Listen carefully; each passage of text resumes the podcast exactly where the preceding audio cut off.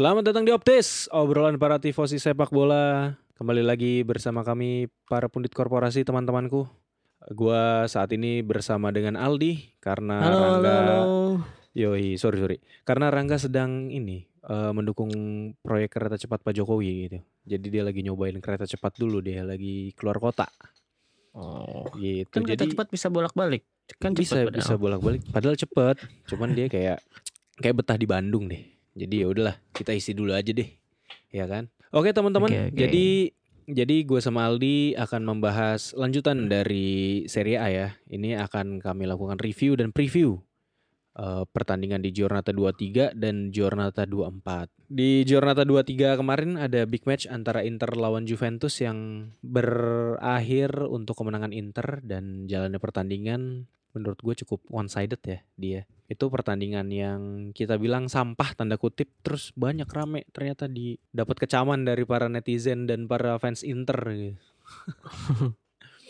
ya tapi sebenarnya teman-teman yang kita bahas di sana adalah pertandingan secara keseluruhannya di match itu gitu bukan Inter jelek atau apa justru Juve-nya yang menurut kita jelek ya dia maksudnya nggak memberikan perlawanan Hmm. yang gimana gitu kan yang kita harapkan kan pertandingannya seru ini malah jalannya ugal-ugalan gitu malah Inter yang Ya, tapi sebelum gua masuk ke pembahasan, gue berharap teman-teman eh, para tifosi yang mendengarkan Optis ini sehat di mana pun kalian berada. Ini kita Mm-mm. lagi ada di momen libur panjang ya, karena eh, ada Isra Miraj, terus nanti akan ada eh, tahun baru eh, Cina, Chinese New Year, New Year ya atau Imlek lah ya. Ah, ah, jadi, Jadi- ya itu dulu se- Mm-mm. eh, Jadi selamat apa tuh kalau Chinese New Year Iya, itu apa? gong gong Shivat Choi buat Hmm. teman-teman yang eh, Imlekan gitu ya. Mm-mm. Dan buat teman-teman yang Muslim, Isra Miraj harap diisi dengan kegiatan-kegiatan yang positif. Oke, di jadi di Ya. pertandingan Giornata 23 kemarin gue mau bahas dulu yang big match nih. Langsung big match ya, Inter lawan Juventus. Tadi Ya. kita udah bahas eh, kenapa membosankan gitu ya. Kenapa kita kecewa dengan pertandingan tersebut gitu. Nah, lu kan fans Inter nih. Menurut lu Inter tuh mainnya gimana di? Bagus nggak? Jujur, Kalau dari gue sendiri ya, sorry gue potong. Hmm. Kalau dari gue sendiri dulu, Inter tuh eh, Simone Inzaghi, Simone Inzaghi tuh bagus. Dia berhasil mainin central center backnya itu tuh jadi inverted inverted gitu loh. Itu yang menarik sih sebenarnya. Nah kalau dari sudut pandang lu gimana? Di? ya ya Inter bermain sebagai Inter aja nggak nggak ada yang spesial sebenarnya. Maksudnya bermain ya kayak pertandingan-pertandingan lainnya. Kalau misalnya lawannya low block ya Inter pasti akan naro s- wide center back mereka ke depan lebih banyak gitu. Biasanya cuma di Ah. Bastoni tapi kemarin Pavard juga ikutan Pavard, jadi iya ganti-gantian. Pavard yang naik Bastoni agak ke belakang. Terus biasanya kalau mereka dua dua dua naik pasti ditinggalin satu Acerbi sama Calhanoglu atau Mkhitaryan yang siap untuk bola safety lah kalau misalnya nanti ada counter Mhm. attack dan dan kemarin Mkhitaryan gue juga ngasih apresiasi sih karena dia bisa main 90 menit dan dia banyak banget intercept yang krusial. Jadi peran Mkhitaryan ternyata di skema Inzaghi penting banget. Makanya kemarin dia udah kartu kuning di menit 51 tapi dia nggak ditarik keluar. Biasanya kalau Inzaghi ada pemain yang dapat kartu kuning aja pasti 5 atau 10 menit kemudian langsung ditarik. Tapi kayaknya Mkhitaryan kemarin pengecualian lah. Karena memang eh, gua setelah gue lihat beberapa pertandingan ya sevital itu ternyata. Nggak cuman offense aja yang multidimensional tapi defense juga ternyata dia bisa masih mau ngejar. Terus eh ya Calhanoglu juga sebagai eh, aktor utama karena Ya. ini tengah Inter kemarin sangat menguasai menurut gue ya. Kemarin lawannya adalah McKennie, Rabiot sama Locatelli. Mungkin McKennie doang yang menurut gue agak bagus mainnya dua Benar. gelandang lain lagi underperform terutama Locatelli. Ya terus dari skema golnya itu juga sebenarnya ya eh buah dari wide center backnya Inter si Pavard maju ke depan ada ruang kosong sebenarnya bukan ruang kosong sih ada Di Marco juga tuh yang dari kanan eh dari kiri biasanya terus dia pindah ke kanan itu menarik kalau nggak salah Danilo ya kalau nggak salah ya terus Ah, jadi ah, Danilo tuh betul. fokusnya jadi kedua tuh karena ada Di Marco di situ. Fokusnya Danilo antara ke Pavard apa da- apa si Di Marco dan akhirnya Barella bisa nemuin Pavard di sana. Pavard bisa ngasih tendangan gunting tapi nggak se- nggak sempurna makanya eh, jatuhnya malah ke dada Gatti dan jadi gol dan Iya, menurut gue betul. ya itu eh, bukan kejeniusan Inzaghi sih mungkin ya ini udah beberapa kali ketemu lawan yang begitu dan akhirnya Inzaghi eh, menemukan cara inilah untuk eh, melakukan eh melaku- eh, melawan tim-tim yang melawan tim-tim yang mainnya Eh, begitu ya, mainnya kayak Juve kemarin low low block. block. Ha, ha, ha, ha. Bener sih. Dan dan kalau gue lihat ya, karena sebenarnya Juventusnya juga nggak ngepres gitu loh, nggak ada usaha untuk coba ngeganggu lini belakangnya eh, Inter ngerebut bola untuk nyari counter attack gitu. Kurang agresif Benar-benar. sih menurut gua. Iya, lu kalau nonton Iya. pertandingannya bener kan? Kurang agresif kan Juventusnya mm. juga. Yang gue lihat justru ya kalau misalnya lu suka main FIFA atau game sepak bola lainnya tuh Mm. Juve itu cuma ngelakuin pressing ketika Inter eh, melakukan atau touchnya heavy touch jadi mungkin kalau ada itu tuh settingannya tuh Iya, kalau iya, defense iya. tuh pressing on Ngerti, heavy touch ngerti. jadi kalau misalnya bolanya emang agak, agak awkward Inter dapat bolanya baru baru mereka mau pressing dan kalau Iya. misalnya Inter nyaman-nyaman aja gitu mereka nggak bakal pressing dan kebetulan kemarin jarang banget Inter dapat bola-bola yang Benar, enak benar, gitu jadi benar. eh, lini belakang Inter sangat pede, sangat ya fluid juga sama lini tengahnya bisa ganti ganti gantian maju mundur. Jadi ya kuncinya sih di situ sih mereka bisa build up dari bawah. Gua paham juga bahwa ketika tim itu melakukan pressing sebetulnya harus ada triggernya kan dan gue setuju sama lu Juventus itu triggernya dari heavy touch gitu atau bola-bola awkward tadi dari Inter cuman yang gua sayangin Juventus sebagai tim bertahan tuh kurang ngeganggu Inter untuk nge-trigger Internya gitu untuk untuk Iya. nge-trigger pressingnya mereka sendiri gitu jadi heavy touch itu nggak akan tercipta karena mereka juga menurut gua usahanya kurang sih? gitu dan Iya. gua gua sadar juga sih eh, kenapa kurang karena emang disisain Vlahovic doang di depan gitu kan dan Vlahovic juga nggak mungkin Betul. nge-cover segitu banyak area Betul. gitu di belakang karena lebar kan Yildiz Iya, kan makanya- ditarik agak mundur gitu kan jadi mundur kan Ha, ha, dia ha. Mm-mm. Ya Nah, makanya itu kalau kalian eh, nonton juga eh, pertandingan ketika Juve menang lawan Em- eh sorry lawan Empoli itu Vlahovic juga kayak eh agak frustasi gitu karena teman-temannya Iya. tuh nggak nggak nggak ke-trigger untuk pressing Melakukan ketika harus pressing, pressing betul. gitu. Nah, Betul, kemarin betul, juga betul. Vlahovic kayak ada beberapa saat juga kok lu ikutan maju pressing sih si Yildiz atau si McKennie nggak bantu juga iya, gitu. Makanya iya, ada ada a- gestur-gestur gitu. itu. Iya, benar benar benar. Tapi kalau ada sedikit yang gue sayangkan dari Vlahovic sebenarnya ada kesempatan emas dari McKennie itu kan yang dipasing ke Ya, dia tapi dianya dia juga lepas. malah heavy touch itu. Tapi Mm-mm. eh ya itu mungkin yang harus diperbaiki sama Vlahovic ya karena kan emang striker itu kesempatannya sebenarnya nggak banyak gitu ya Iya. dia. Jadi emang Mm-mm. harus dimanfaatkan sebaik-baiknya gitu. Mm-mm. Apalagi kalau lawannya tim-tim kayak Inter gitu. Ketika lu lawan tim yang kuat pasti kesempatan lu tuh nggak nggak yang sebanyak itu dan emang eh, nasibnya striker ketika lu dapat bola lu harus berpikir dan bergerak cepat gitu. Kalau kalau nggak ditutup semua gitu.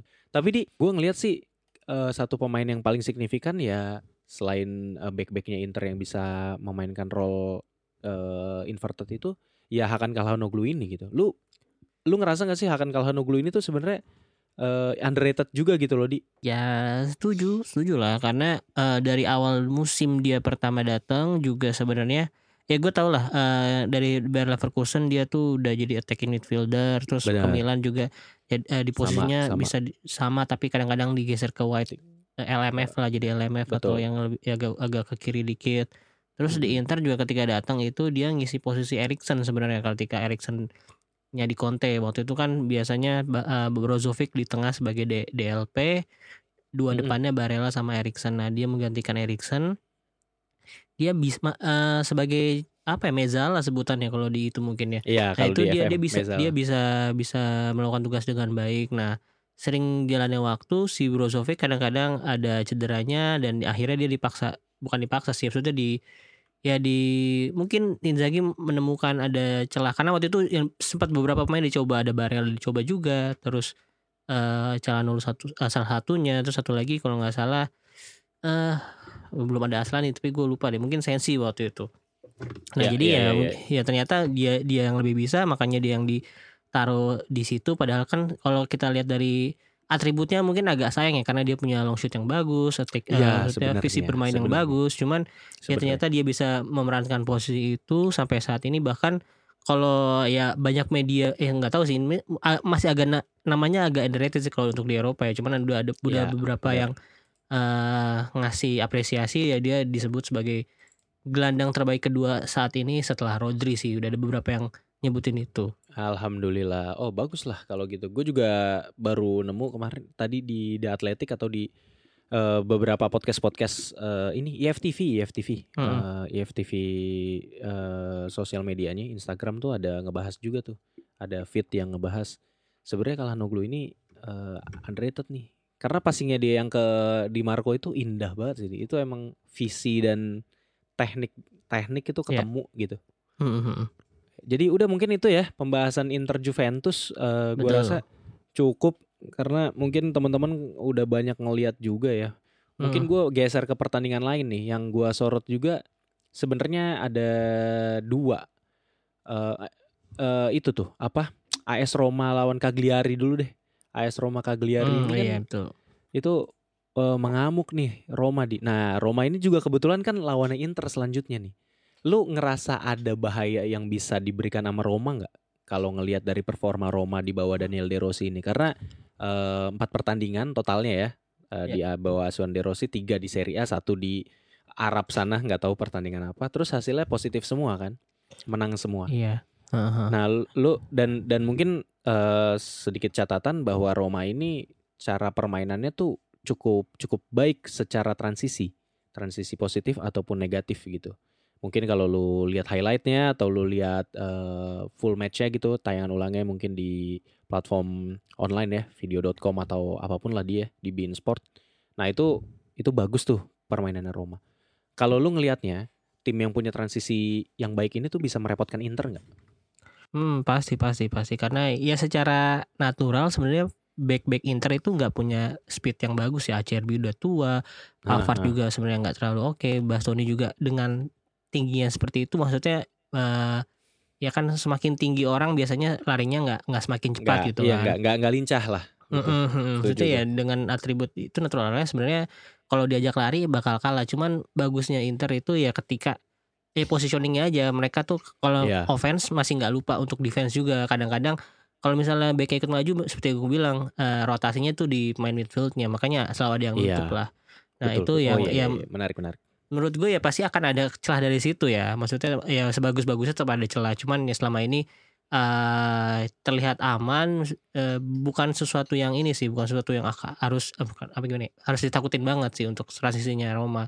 Nah, terlebih Nah. lagi kalau gue lihat dari ya memang hasil Roma nih sejauh ini bagus, cuman kan kita tahu sendiri lawan-lawannya ini sebenarnya bukan eh, tim Tanda Serie kutip, A iya, tanda kutip lemah lah ya. ya. Ah, bukan Mm-mm, masih Serie A. yang- Iya, ya, setuju, setuju. yang CD CD lah maksudnya eh, ini De Rossi cukup menurut gue cukup beruntung, Beruntung. juga Mm-mm. tiga pertandingan pertamanya itu di Serie A eh, relatif muda lawan-lawannya dan tapi Betul, maksudnya eh, betul, tetap respect betul. maksudnya dia bisa bisa melewati dengan baik lah nggak semua nggak Iya, iya. nggak maksudnya pelatih lain belum tentu bisa gitu walaupun lawan tim yang Setuju.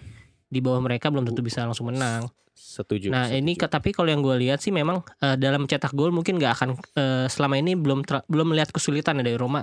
Ketika Iya. lawan Verona mereka langsung gol di babak kedua tuh eh, dua gol yang berdekatan di awal awal babak.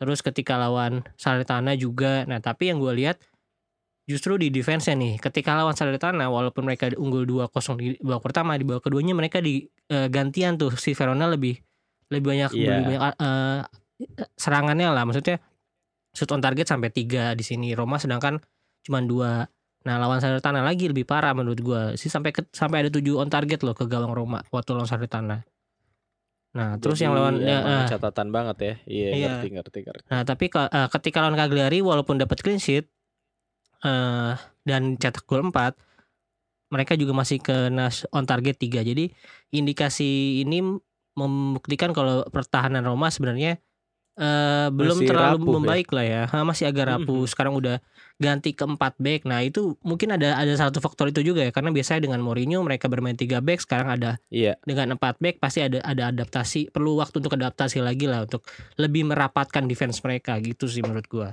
ini oke. Ini sekalian gua review ya pertandingan Inter lawan Roma.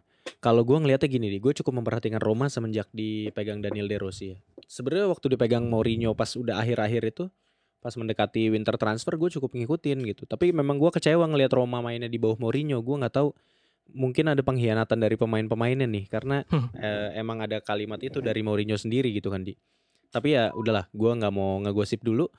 Jadi kalau gua lihat eh, Roma ini kalau emang mainnya kayak kemarin lawan Cagliari atau kayak sebelum-sebelumnya di, gua rasa Inter lawan Roma ini akan jadi pertandingan yang menarik untuk ditonton Iya. oleh Hmm. oleh fans netral gitu ya. Setuju. Karena karena karena akan ada terjadi jual beli serangan gitu, nggak yang nahan banget gitu.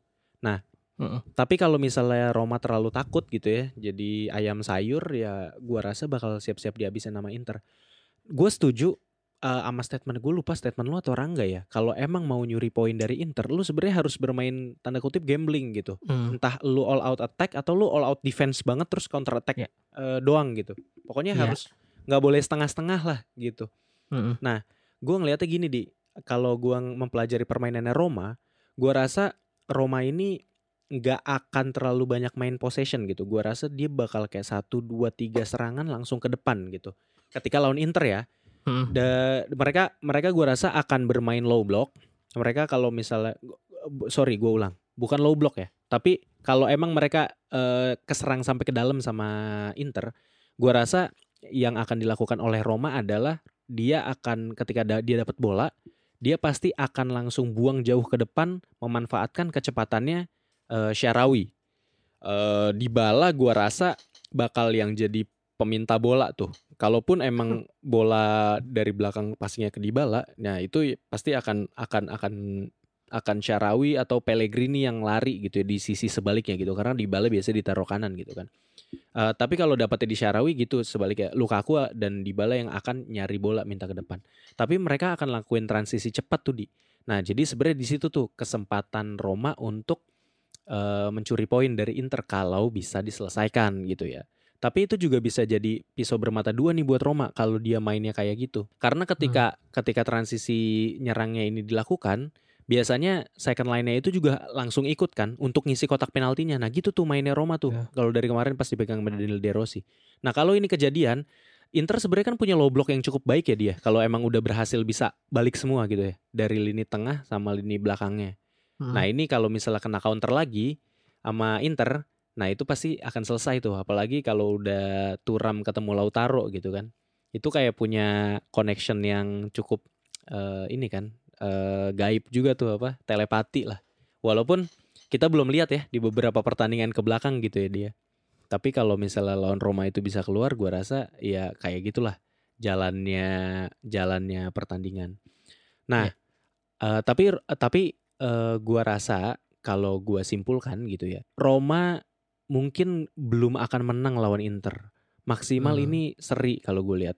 Karena sebenarnya pertahanannya Roma itu tuh cukup buruk ketika dia ketemu bola-bola ini di bola-bola crossing gitu Hmm. di bawah Daniel De Rossi gitu. Tapi kalau dia diserang dari tengah dia cukup kuat tuh. Karena kemarin gue lihat Paredes, Pellegrini dan Cristante itu cukup solid gitu iya, untuk betul. mempertahankan sepertiga akhir tapi di bagian tengahnya. Tapi di Hmm. bagian sampingnya gitu, Karsdorp, Ka- Karsdorp dan eh, Tasende misalnya kemarin yang main atau Hmm. siapa pun lah yang bermain di sisi kiri ya.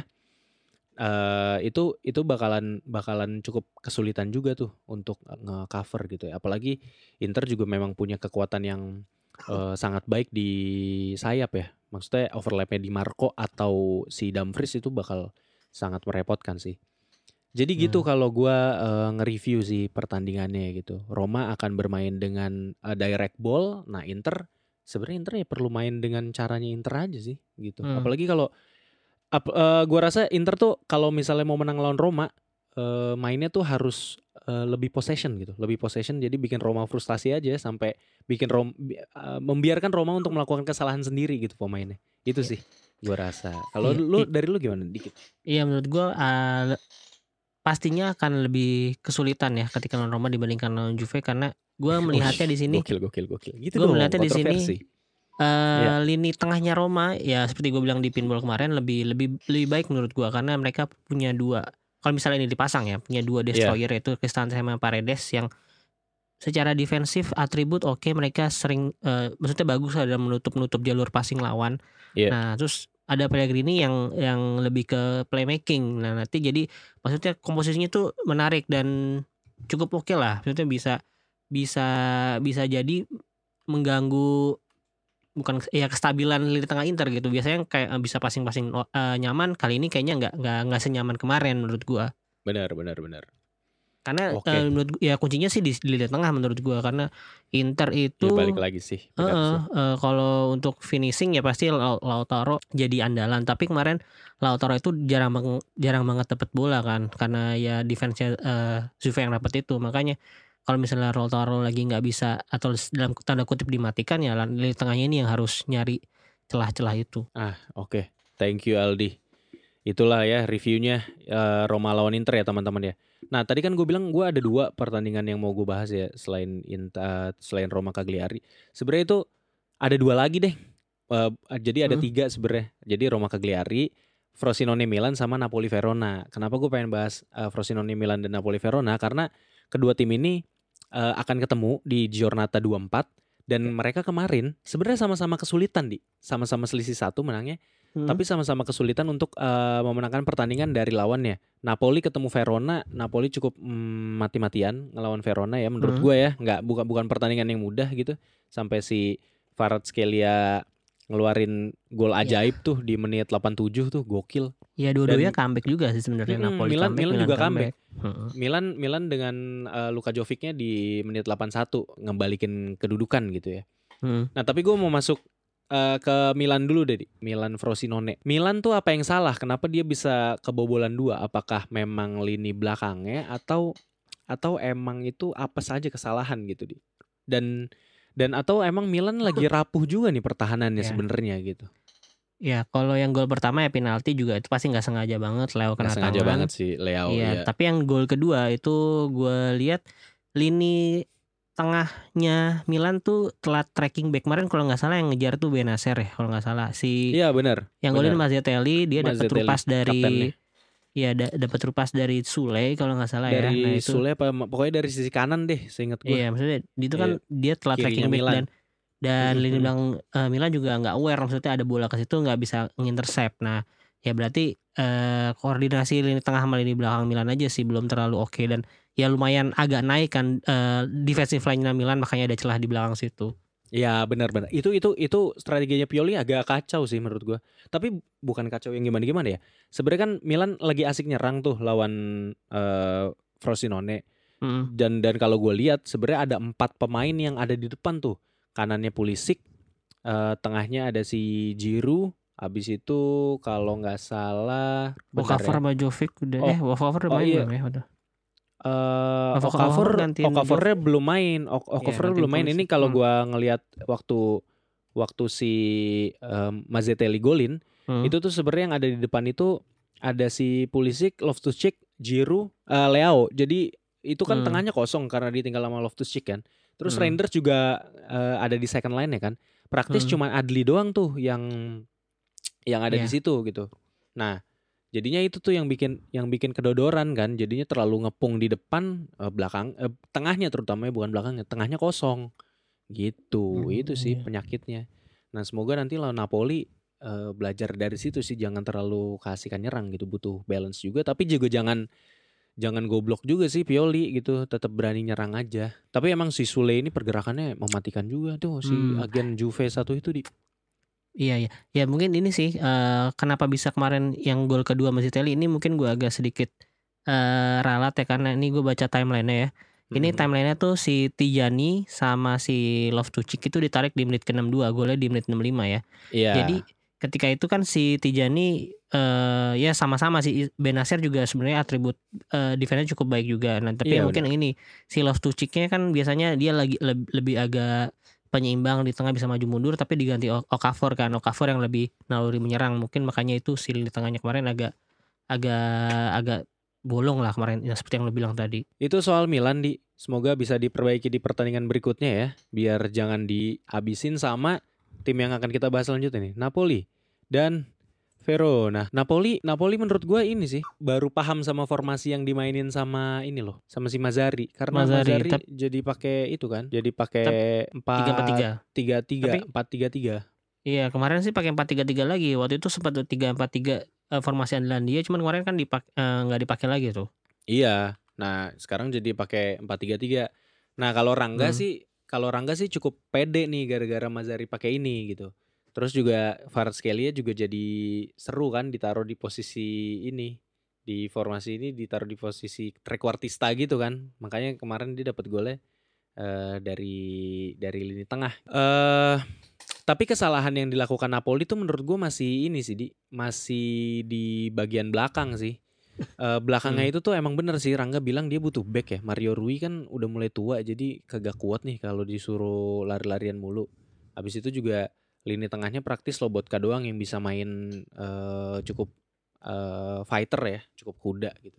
Di Lorenzo juga kemarin mainnya lagi cukup eh, kurang bagus gitu ya. Jadi dia kayak telat-telat turun gitu. Eh, itu yang harus diperbaiki sama Napoli kalau nggak mau dieksploitasi sama Milan sih, terutama sama Leao dan Pulisic gitu kan. Gue langsung aja di kalau gue mau langsung bahas review Milan lawan Napoli ya.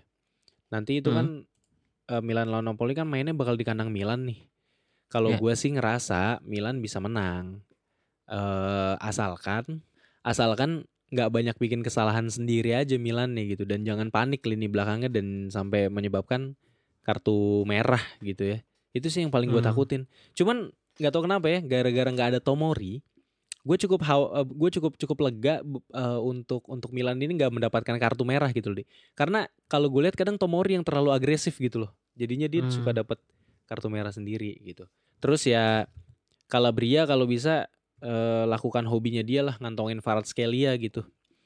Eh gue rasa itu yang itu itu cukup kayak gitu aja lah.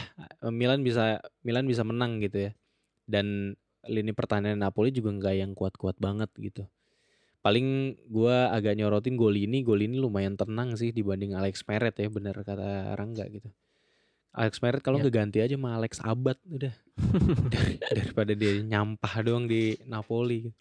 Kalau lu gimana di ngeliat Milan lawan Napoli gini? Gua lebih con walaupun Napoli udah mulai bagus ya kemarin lawan Verona juga sebenarnya banyak banget kesempatan yang di luar skornya cuman unggul tipis tapi ada 7 on targetnya. Tapi di sini gua lebih pref- eh, bukan ya lebih menjagokan Milan nih untuk menang di kandang apalagi dan di pertemuan pertama juga sebenarnya Milan itu bisa unggul dulu 2 dua kosong kalau nggak salah lewat dua sundulan di babak pertama tapi di balik eh, diimbangin di babak kedua kan. Betul, Nah, itu betul. sih Iya itu kesalahan Pioli sih satu maksudnya mereka dia udah tahu unggul tapi masih bermain terbuka sehingga bisa diseriin lagi. Nah berarti lawan lawan Napoli harusnya Milan nggak nggak nggak kesulitan untuk cetak gol lah dan kemarin kita juga Iya sepakat sih. pa- partai ini bakal jadi ya pesta banyak gol yang tercipta. Gue makanya gue kemarin eh, sampai kalau nggak salah 3-2 prediksi gue dan gue masih yakin dengan itu. Karena ya kemarin Milan mainnya crossing crossing kan tiga gol lawan Frosinone itu eh, skemanya berawal dari crossing semua. Dan lawan Napoli juga masih bisa dilakukan menurut gua. Napoli itu dalam eh, ya crossing belum belum nggak terlalu bagus lah mengantisipasi crossingnya. Ya balik balik lagi pertemuan mereka pertama gol dua gol dari crossing dari sundulan Giroud dua-duanya jadi ini masih eh, kalau Milan bermain dengan cara yang sama sih pasti akan dapet lah beberapa chance dari crossing crossing itu menurut gue Ya, Giroud masih benar, benar. masih jadi eh, kalau nggak salah tuh Tumpuan. dia header header terbaik lah maksudnya gol header terbanyak musim ini bahkan Betul. dalam setahun terakhir di Serie A kayak gue masih percaya dia paling banyak headernya musim ini iya Eh, kalau yang musim ini gue gua udah udah ada datanya waktu itu pokoknya eh, masih terbanyak memang Giroud dan dan Ah, iya, masalahnya oke. eh, dan maksudnya gue nggak nggak ya kan tadi gue bilang Milan mainnya crossing crossing tapi ya kalau kalau dengan selam sejauh ini works dan emang di lapangan ada Giroud yang gue masih bilang kalau itu cara yang benar karena mereka punya apa ya nilai plus dalam dalam Giroud itu kecuali Iya, kalau misalnya nanti benar. Giroud udah ditarik tapi masih main kayak gitu juga baru tuh aneh tuh si Pioli Bener, bener, bener, bener. Makanya gue bilang kan Milan cukup bermain seperti sedia kala aja kan, gak usah ngide-ngide gitu. Oke lah, eh lu 3-2 prediksinya, gua prediksinya sih, gue sebenarnya sama lagi 3-2 juga deh. Tapi kayaknya, tapi kayaknya 2-1 deh endingnya. Menang Milan sih Hmm. kalau gua rasa. Ya semoga aja. ya. Tapi 3-2 sih lebih seru sih sebenarnya jalannya pertandingan lebih banyak gol gitu kan. Atau Iya, 4 karena Mil- 4-2 iya. gitu. 4-2. ya kedua tim sebenarnya nggak nggak pertahanannya nggak bagus-bagus amat kan Milan kebobolan dua dari Frosinone itu bukan indikasi yang bagus sebenarnya kan Iya sebenarnya. Tapi gue berani bilang 4-2 deh di. Coba ya. Nambah lagi lu gimana 4-2 sih gua, 4-2 gua. Milan 4, Napoli 2. Gitu. Dan semoga Juventus lawan Udinese kalah gitu kan. Ngikutin hasil Eh. kemarinnya dia lawan Inter gitu. Oke. Mungkin itu ya eh, review dan preview kita ya dia. Eh, Tanpa bermaksud mengecilkan pertandingan yang lain tapi eh, the Mm-mm. big match of eh, Giornata 24 tuh ya Roma Inter dan Milan Napoli gitu. Baik eh, Ya. secara eh, nama besar tim ataupun secara klasmen gitu ya. Hmm. Ya walaupun Napoli klasmennya nggak ini banget, cuman kan lagi ngerangkak nih gitu.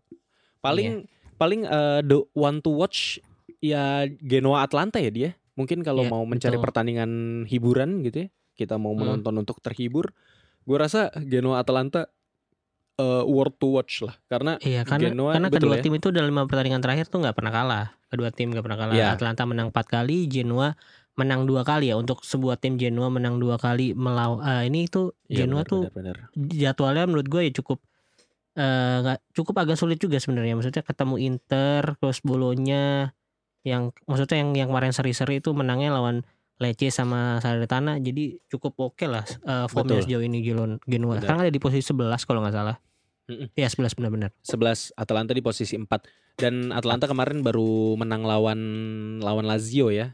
Nah Hmm, itu pertandingan 3-1. itu itu nggak mau gue bahas juga karena emang pertandingan Hmm. one sided gitu sih. Oh dan teman-teman, kenapa gue bilang ini worth to watch? Karena Atalanta nih di bawah Gasperini mainnya udah seperti biasa gitu. Udah pakai racikan Gasperini banget kemarin kalau gue lihat. Jadi karena Gasperini per- eh, adalah pelatih yang attacking dan pasti timnya menghibur gitu ya. Jadi Iya. itulah kenapa gue bilang. Dan Thiago Motta eh eh iya bener Genoa Thiago Motta kan? Genoa bukan eh dong. Genoa Bolonya dia Thiago Motta. Iya, Genoa itu pelatihnya si hmm, eh kok gue lupa sih. Genoa itu Siapa pelatihnya yo? si Siapa Gilardino, ya? Gilardino. Gilardino, betul. Gilardino. Iya, sorry sorry sorry. Iya, jadi lagi lagi oke lah. Genoa juga musim ini tuh dua pelatih hot musim ini lah. Iya, Gilardino dan, i- Thiago Motta. Iya, dan ya satu-satu eh, maksudnya ada pemain on form juga kan. CDK lagi on form banget. Iya, Kemarin benar benar. dua gol, pertandingan sebelumnya dua assist. Jadi ya dia menemukan sebenarnya gue juga awalnya meragukan kalau dia tuh bagus di CF ya. Tapi karena Mm, ini mm. mainnya CF-nya dua gitu maksudnya Iya, chefnya sama dibantu sama duet. IMF 1 jadi kayak mereka triangle gitu kadang-kadang rotasi gitu jadi bagus mereka apalagi Benar benar. bukan pakai yang striker murni banget sebenarnya mereka tuh Skamaka jadi jadi pilihan kedua bahkan dimasukinnya sebagai sub- eh, substitution mulu Jadi dan substitution, benar. dan Luis Muriel per hari ini dia udah resmi ke Orlando City jadi udah nggak ada lagi di Atlanta Oh, walah. Oke, mungkin itu aja dia untuk episode kali ini dia. betul betul Kita udah bahas eh, review, preview. tapi mungkin gue ini dulu ini eksklusif buat teman-teman yang main Serie A fantasi Oh iya benar benar benar. League ya ini informasi juga. ini juga bisa kalian dapat cuma di podcast ini jadi kalian yang nggak dengerin rugi lah rugi, nih. rugi lah. ini Ya. ada informasi ya ini cukup penting karena di Giornata ini kan kemarin Giornata 21 tuh ada 4 tim 8 tim sebenarnya ya karena eh, ada Super Copa itu nggak Iya. bermain ya dan waktu itu jadi Betul. cuma ada 6 pertandingan nah di Giornata besok di Giornata 24 24. itu akan ada satu pertandingan tambahan yaitu Bolonya versus Fiorentina ya, betul. Nah, di mana? itu nanti akan pemain yang main di Bolonya Fiorentina akan dapat dua dua Dua poin kali maksudnya main. dua kali Iya, main jadi Double double double, poin jadinya. Iya. Nah, jadi teman-teman pas eh, menurut gua eh, suggestion gua ya harus ada pemain dari Bolonya dan Fiorentina karena ya poinnya pasti akan banyak mereka. Bukan bukan eh, banyak dalam artian bakal bagus maksudnya ya akan ad- ada dua kali bertanding iya, iya. dan pasti akan lebih banyak Iya yang benar. lain benar. gitu. Benar benar. Oke, itu aja teman-teman. Eh, buat para pemain seri fantasi, good luck dan semoga kalian tidak salah pasang agar bisa mendapatkan hadiah dari Optis dan mengumpulkan poin untuk di akhir musim nanti mendapatkan jersey tim kesukaan kalian. Terima kasih sudah mendengarkan teman-teman. Sehat selalu di mana pun kalian berada. Buat yang lagi liburan, selamat liburan gitu dan salam untuk keluarga semua di rumah. Saya Reza dan Aldi